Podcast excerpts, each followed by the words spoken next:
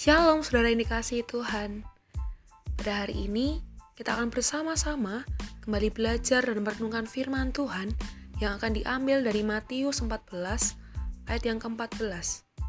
Firman Tuhan berkata, ketika Yesus mendarat, ia melihat orang banyak yang besar jumlahnya, maka tergeraklah hatinya oleh belas kasihan kepada mereka, dan ia menyembuhkan mereka yang sakit.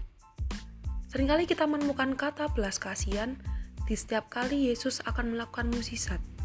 Dalam konteks perikop yang kita baca hari ini, belas kasihan itu muncul dan membuat Yesus melakukan mukjizat, yaitu menyembuhkan orang yang sakit. Perlu kita sadari, ternyata belas kasihan itu yang seharusnya menjadi dasar untuk kita bergerak. Lalu, mengapa demikian? Yang pertama yang harus kita pahami, belas kasihan itu berbeda dengan rasa kasihan.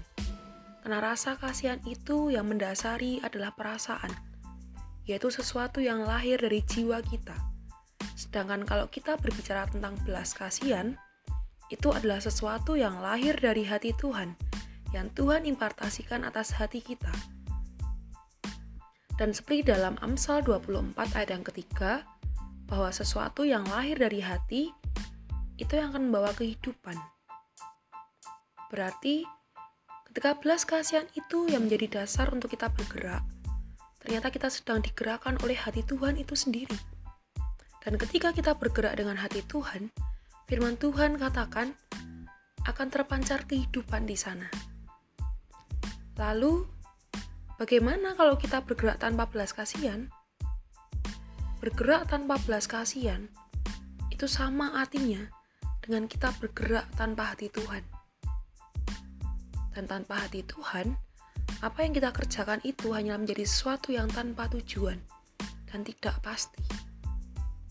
Jadi, ya jangan heran kalau tanpa belas kasihan atau tanpa hati Tuhan itu sendiri, kita menjadi pribadi yang mudah mudah menyerah. Kita menjadi pribadi yang mudah lelah. Bahkan kita jadi pribadi yang cepat untuk berhenti dan keluar dari rencana Tuhan. Sekian firman Tuhan pada hari ini. Tuhan Yesus memberkati.